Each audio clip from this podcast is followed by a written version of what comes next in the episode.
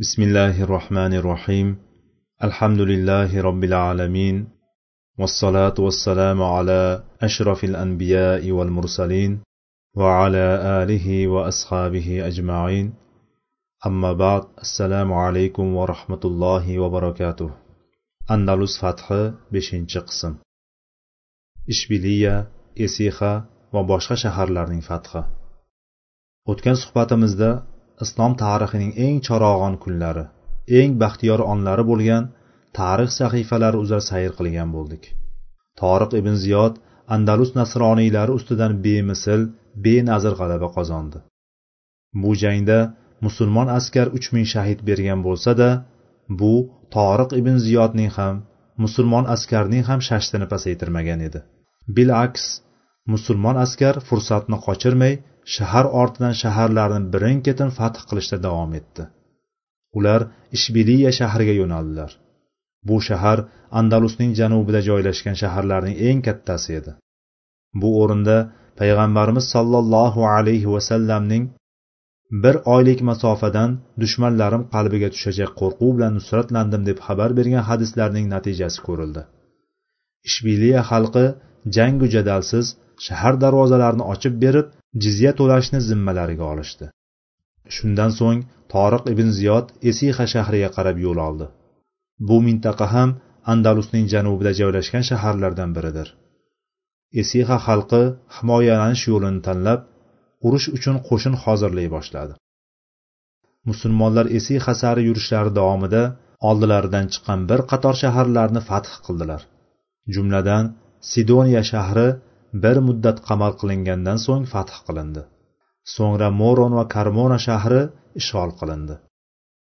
So'ngra musulmonlar esixada nasroniylar quvvati bilan to'qnashdi. Ular o'rtasida ashaddiy jang sodir bo'ldi. Bu urush garchi barbate vodiysida yuz bergan jangga nisbatan kichikroq bo'lsa da ancha ashaddiy tus olgan va urush avjiga chiqqan edi. Tarixshunoslar xabar berishicha musulmonlar bu jang ma'rakasidan keyin uning kabi qarshilikka uchramadilar. Urushda nasroniylar yengila boshladi va urush nihoyasiga yetar yetmas musulmonlardan omonlik so'rab sulh tuzish va jizya to'lashni ma'qul topishdi. Musulmonlarga qarshi turib urush yo'lini tanlagan xalqning oqibati bilan shaharni sulh va jizya berish evaziga taslim qilganning oqibati ayricha bo'ladi. Musulmonlar ma'lum bir joyni urushib fath qilsalar o'sha shahar yoki mamlakatdagi narsalarga ega bo'lish bilan birga hukumatni ham qo'lga oladilar. Bordiyu shahar yoki mamlakat sulh tuzib jizya berish yo'lini ixtiyor qilsa musulmonlar faqat jizyanigina olib mamlakat va hukumatni shahar ahliga topshirib ketadilar.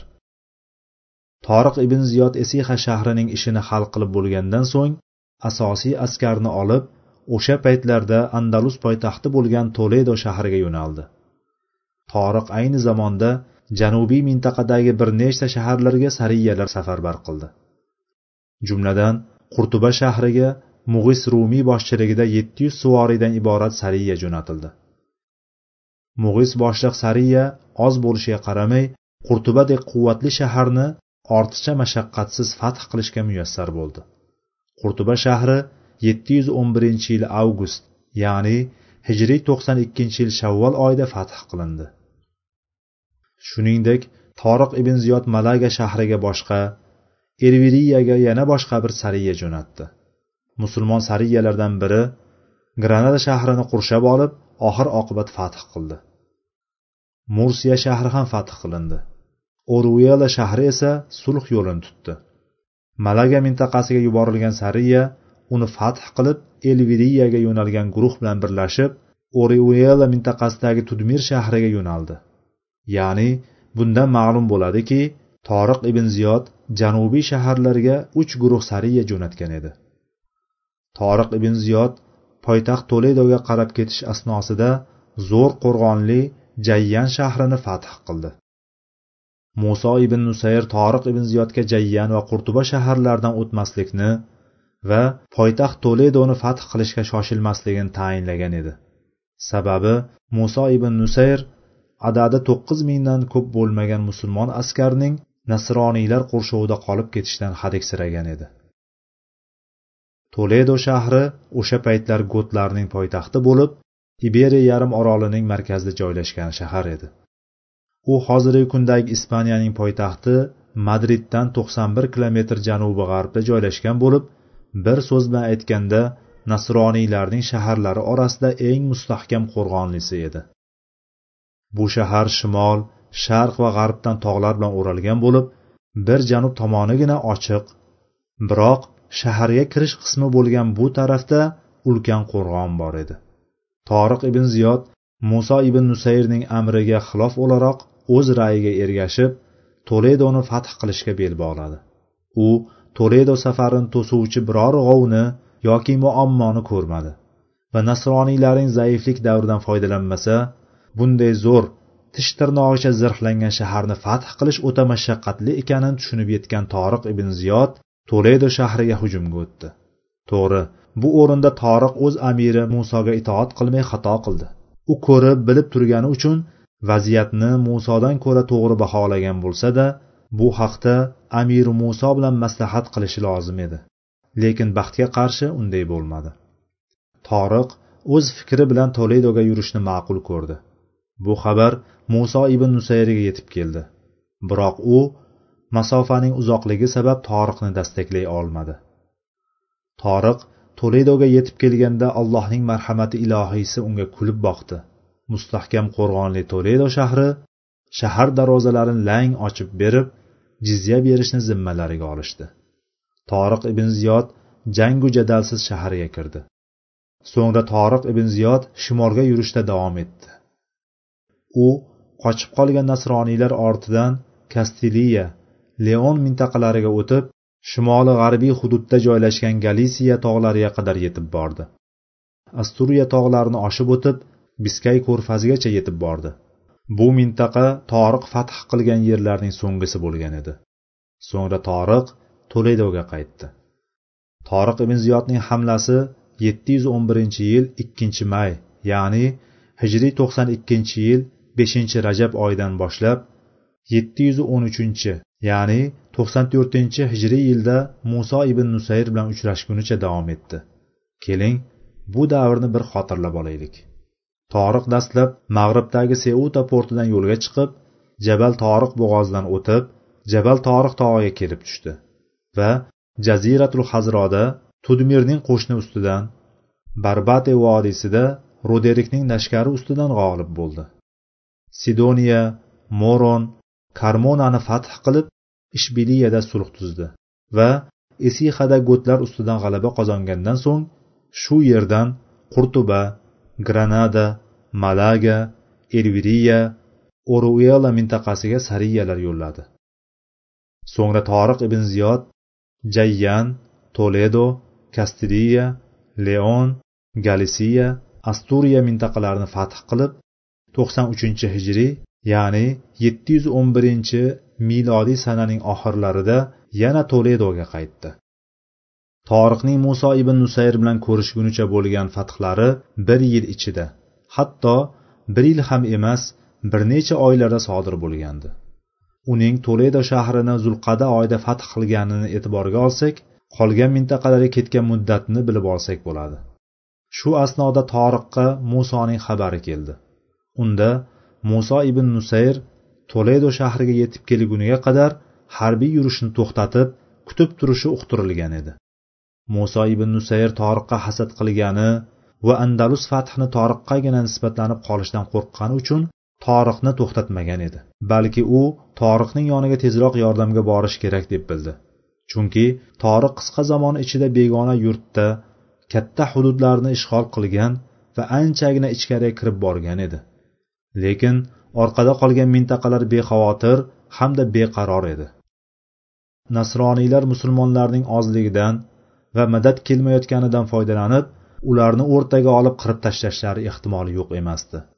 Mohir sarkarda tajribali qo'mondon muso bu kabi holatni shimoliy afrika yerlarini fath qilish jarayonida ko'rgan va tajriba hosil qilgan edi. U torixning yangi joylarini fath qila olmasligidan emas orqada qolgan mintaqalardan ko'ngli xotirjam bo'lmaganidan uni hamladan to'xtatishga buyruq bergan edi. Shuningdek toriqning iymoniga muso ibn nusayr sabab bo'lgan edi. Boshqa jihatdan qaraganda toriq ibn ziyod musoning xizmatida edi. Shunday ekan toriqning xayrli ishlarida muso ibn nusayr teng sherik toriq ne qadar savobga ega bo'lsa muso ham o'shanchalik ajr olar edi. Toriq ibn ziyod bilan muso ibn nusayr o'rtasidagi voqealarni tarixshunos hajjiy quyidagicha xabar beradi. Toriq ibn ziyod har bir ishni boshlig'i musodan so'rab bomaslahat qilib uning ko'rsatmasiga binoan amalga oshirar edi. Toriqning barbate vodiysidagi jangdan oldin musodan madad so'raganini yodingizga oling.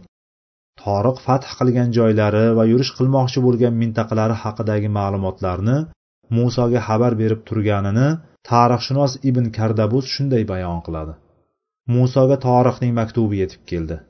Muso o'sha paytdagi xalifa validga u haqda maktub yo'lladi. Andalus o'lkasiga borganidan chamasi bir yildan so'ng toriqning askarlari fath qilgan shahar va qishloqlarga tarqalib ketdi. Bir qismi esa shahid bo'ldi. Shunda toriq askarning ozligidan foydalanib nasroniylar hamla qilishidan va mag'lub bo'lishdan cho'chib musoga yordam so'rab maktub yo'lladi. Bu xabarni olgan muso ibn nusayr toriqni ogohlantirib fath qilishda shoshilmaslikni ta'kidlab toledo shahridan yoki undan keyin kutib to'xtab turishni amr qildi. Muso ibn nusayr andalusda. Muso safar tayyorgarligini boshlab yubordi. Andalus o'lkasida olloh yo'lida jang bo'lishini eshitgan musulmonlar mashriqu mag'ribdan yetib kelishni boshladi. Muso ibn nusayr o'n sakkiz ming qo'shin to'pladi. Torixning askari asosan barbarlardan iborat bo'lgan bo'lsa bu o'n sakkiz ming askar yaman hijoz shom iroq va boshqa shaharlardan kelgan arablardan tashkil topgan edi. Muso katta o'g'li abdullohni shimoliy afrikaga poytaxt hayravonga voliy etib tayinlab o'zi o'n sakkiz ming askar bilan yetti yuz o'n ikkinchi yil aprel ya'ni hijriy to'qson uchinchi yil rajab oyida afrikadan andalus sari yo'lga chiqdi. U jabal toriq bo'g'ozini shu yilning ramazon oyida kesib o'tdi. Ammo uning jabal toriq bo'g'ozining qaysi qismidan o'tganligi borasida tarixchilar orasida ixtiloflar bor. Ulardan ko'pchiligi seutadan ya'ni uning yaqinidagi jabal muso deb atalgan joydan jabal toriq tomon kesib o'tgan deydilar. Bu mantiqan to'g'ri. Chunki bu joy bo'g'ozning eng tor qismidir. Yana ba'zilar tanjerdan jaziratul hazroga tomon kesib o'tgan deydilar. Muso ibn nusayr askarlarini dengizdan olib o'tishda foydalangan kemalarning barchasi musulmonlarniki bo'lgan. Bu esa yuqorida zikri o'tgan torixning kemalari musulmonlarga tegishli bo'lgan va bir qisminigina ijaraga olgan degan fikrimizga yana bir dalildir. Musoning qo'shini safida arablar ham barbarlar ham shuningdek munayzir ifriqiy ismli bir sahobiy va bir qancha tobeinlar ham bor edi. Muso ibn nusayr katta o'g'li abdullohni afrikaga voliy qilib qoldirgan va ikki o'g'li abdulaziz va abdul aloni o'zi bilan olgan edi. U andalus o'lkasiga o'tib kemalarni munosib yerga joylashtirdi. Bu joy shundan e'tiboran marsa musa nomi bilan atalib qoldi. Arab tilida marsa degan kalima kema to'xtaydigan va uni bog'lab qo'yiladigan joy ma'nosini bildiradi. Shuning uchun marsa musa nomi bilan atalib qolgan. Muso ibn nusayrning yurishlari. Muso jaziratul hazroga kelib harbiy rejani chizmasdan va masjid bino qilmasdan burun yurishni boshlamadi. Bu masjid dengiz sohiliga yaqin yerda joylashgan bo'lib masjidul royyat nomi bilan ataldi. Musoning yigirmadan ortiq bayrog'i bo'lgani zikr qilinadi. Shuning uchun bu masjid ham masjidi royyat bayroqlar masjidi nomini olgan. Andalusga yetib kelgan muso yuz berishini taxmin qilgan hodisaga guvoh bo'ldi. Jangu jadalsiz sulh yo'lini tanlab jizya berishga rozi bo'lgan ishbiliya shahri toriq ibn ziyod toledoga yo'l olishi bilan ahdlarini buzib toriqning ortidan zarba berish uchun tayyorgarlikni boshlab yuborgan edi. Muso ishbiliyaga yo'l oldi. U yo'l asnosida sidoniyani yangidan fath qildi va bu muso ibn nusayrning andalus o'lkasidagi dastlabki fath qilgan shahri edi. So'ngra musulmon askar karmona shahriga yo'l oldi. Buning singari mustahkam qo'rg'onli va qamal yoki urush qilish noqulay bo'lgan shahar yo'q edi. Muso zo'r hiyla ishlatdi. Nasroniy juriyanning odamlarini go'yo talofat ko'rgan rashkalning qolgan qismi qiyofasida shaharga kirgizdi. Kechasi ular shahar darvozasini muso ibn nusayrga ochib berdilar. Muso askari bilan shaharga kirib uni fath qildi. So'ngra muso ishbiliyaga yetib kelib uni qurshab oldi. Bu shahar andalusdagi eng katta shaharlar jumlasidan bo'lib muhtasham binolari qadriyat va yodgorliklari bilan mashhur edi. Gotlar zamonida podshohning qasri shu shaharda joylashgan bo'lib barbate vodiysidagi mag'lubiyatlaridan so'ng podshoh ayonlari toledo shahriga ko'chgan edilar. Lekin din arboblari hanuz ishbiliyada edilar. Ular qattiq qarshilik qildilar. Qamal ham bir necha oy davom etdi. So'ngra alloh taolo bu shahar fathini musoga hadya qildi. Shaharning notavon kishilari baga shahriga qochib qolishdi. U yerda bir talay yahudiylar ham bor edi. Muso ularni o'rtaga yig'ib ularga bir necha kishini boshliq qildi. So'ngra muso shimolga qarab yurdi. Ma'lumingizki torix shimol g'arbga yurgan edi. Muso andalus fathini tom qilishni qasd qilgan edi. U merida shahriga yo'l oldi. Merida shahri tarixiy shahar bo'lib miloddan oldin yigirma beshinchi sanada rumliklar tomonidan bunyod qilingan va andalusning poydevori bo'lgan shaharlardan biri edi. Shuningdek avvalgi podshohlarning ba'zilari bu shaharni o'zlariga makon tutgan hamda tarixiy yodgorliklar qasrlar fabrikalar va hashamatli kanisalari bo'lgan shahar edi. Shaharning qo'rg'onini tarixshunoslar ta'bir bilan aytganda devorlardan iborat bo'lib unga o'xshashi qurilmagan edi. Shaharning hamma tomoni shu devor bilan o'ralgan bo'lib bir necha minoralari bor edi. Devorning eni o'sha paytlar o'n ikki ziro ya'ni olti yarim metr balandligi o'n sakkiz ziro ya'ni salkam o'n metr edi. Gotlar mag'lubiyatga uchragandan so'ng turli mintaqalardan shu shaharga to'plangan va anchagina quvvatga ega bo'lgan hamda himoya va ehtiyot choralarini ko'rib qo'yishgan edi. Muso ibn nusayr merida shahrini qamal qildi. Gotlar jon jahdlari bilan qarshilik qilishdi. Ular mustahkam devor ortidan bir mil yoki undan ham uzoqroq masofadan musulmonlarni qarshi olib shiddatli jang qilishdi. Shahar qamali va ikki taraf orasidagi jang bir necha oy ya'ni yetti yuz o'n uchinchi yil o'ttizinchi iyun. Hijriy hisobda to'qson to'rtinchi yil ramazon oyigacha davom etdi. So'ngra muso bilan got harbiylari orasida sulh muloqoti boshlandi. Gotlar taslim bo'lamiz va jizya beramiz deb taklif qildilar. Muso taklifni qabul qilib shahar xalqiga haqiqiy omonlik berdi. Shu yilning ramazon hayiti kuni shahar darvozalari ochib berildi. Musulmonlarga bu kun qo'shaloq bayram bo'lgan edi. Musulmonlar bulturgi ramazon hayitini barbate vodiysi g'alabasi bilan qarshilagan bo'lsalar bu sanani andalus poydevorlaridan biri bo'lgan mustahkam qo'rg'onli shahar fathi bilan kutib oldilar. Subhanalloh. Qamalning qancha muddat davom etganligi tarix kitoblarida aniq zikr qilinmagan. Lekin tarixchi hajjiy merida shahri olti oy atrofida qamal qilingan bo'lishi kerak deydi. Abdulaziz ibn musoning yurishlari muso ibn nusayr merida shahrini qamal qilib turgan onda o'g'li abdulazizni bir guruh askar bilan ishbiliya sari safarbar qildi. Buning sababi musoga nebla va baga shaharlarida jon saqlab qolgan got askarlari birlashib musoning merida qamali bilan bandligidan foydalanib ishbiliya shahridagi musulmon guruhga hujum qilgani va u yerdagi musulmonlar ustidan g'olib bo'lgani xabari kelgan edi. Abdulaziz ibn muso ishbiliyadan oldin tudmir mintaqasini ishg'ol qildi. Tudmir mintaqasi nomi uning hokimi teodomiro ergobado sharafiga qo'yilgan edi. Dastlab bu mintaqa hokimi tudmir ibn abdus abdulaziz ibn musoga bo'ysunmay urush e'lon qildi. Ikki taraf o'rtasida o'rta yer dengizi sohilida kartaxena degan joyda urush boshlandi. Bu urush musulmonlarning foydasiga hal bo'lib nasroniy hokim tudmir ayni mintaqadagi ore uyela shahriga qochib qoldi. Va oxir oqibat tudmir mintaqasi 713 yil aprel ya'ni hijriy 94 yil rajab oyida sulh yo'li bilan fath qilindi. So'ngra abdulaziz ibn muso ishbiliyani yangidan fath qildi. So'ngra baga va nebla shaharlarini fath qildi. Bundan keyin u andalusning g'arbiga ya'ni hozirgi kundagi portugaliya shahriga ravona bo'ldi.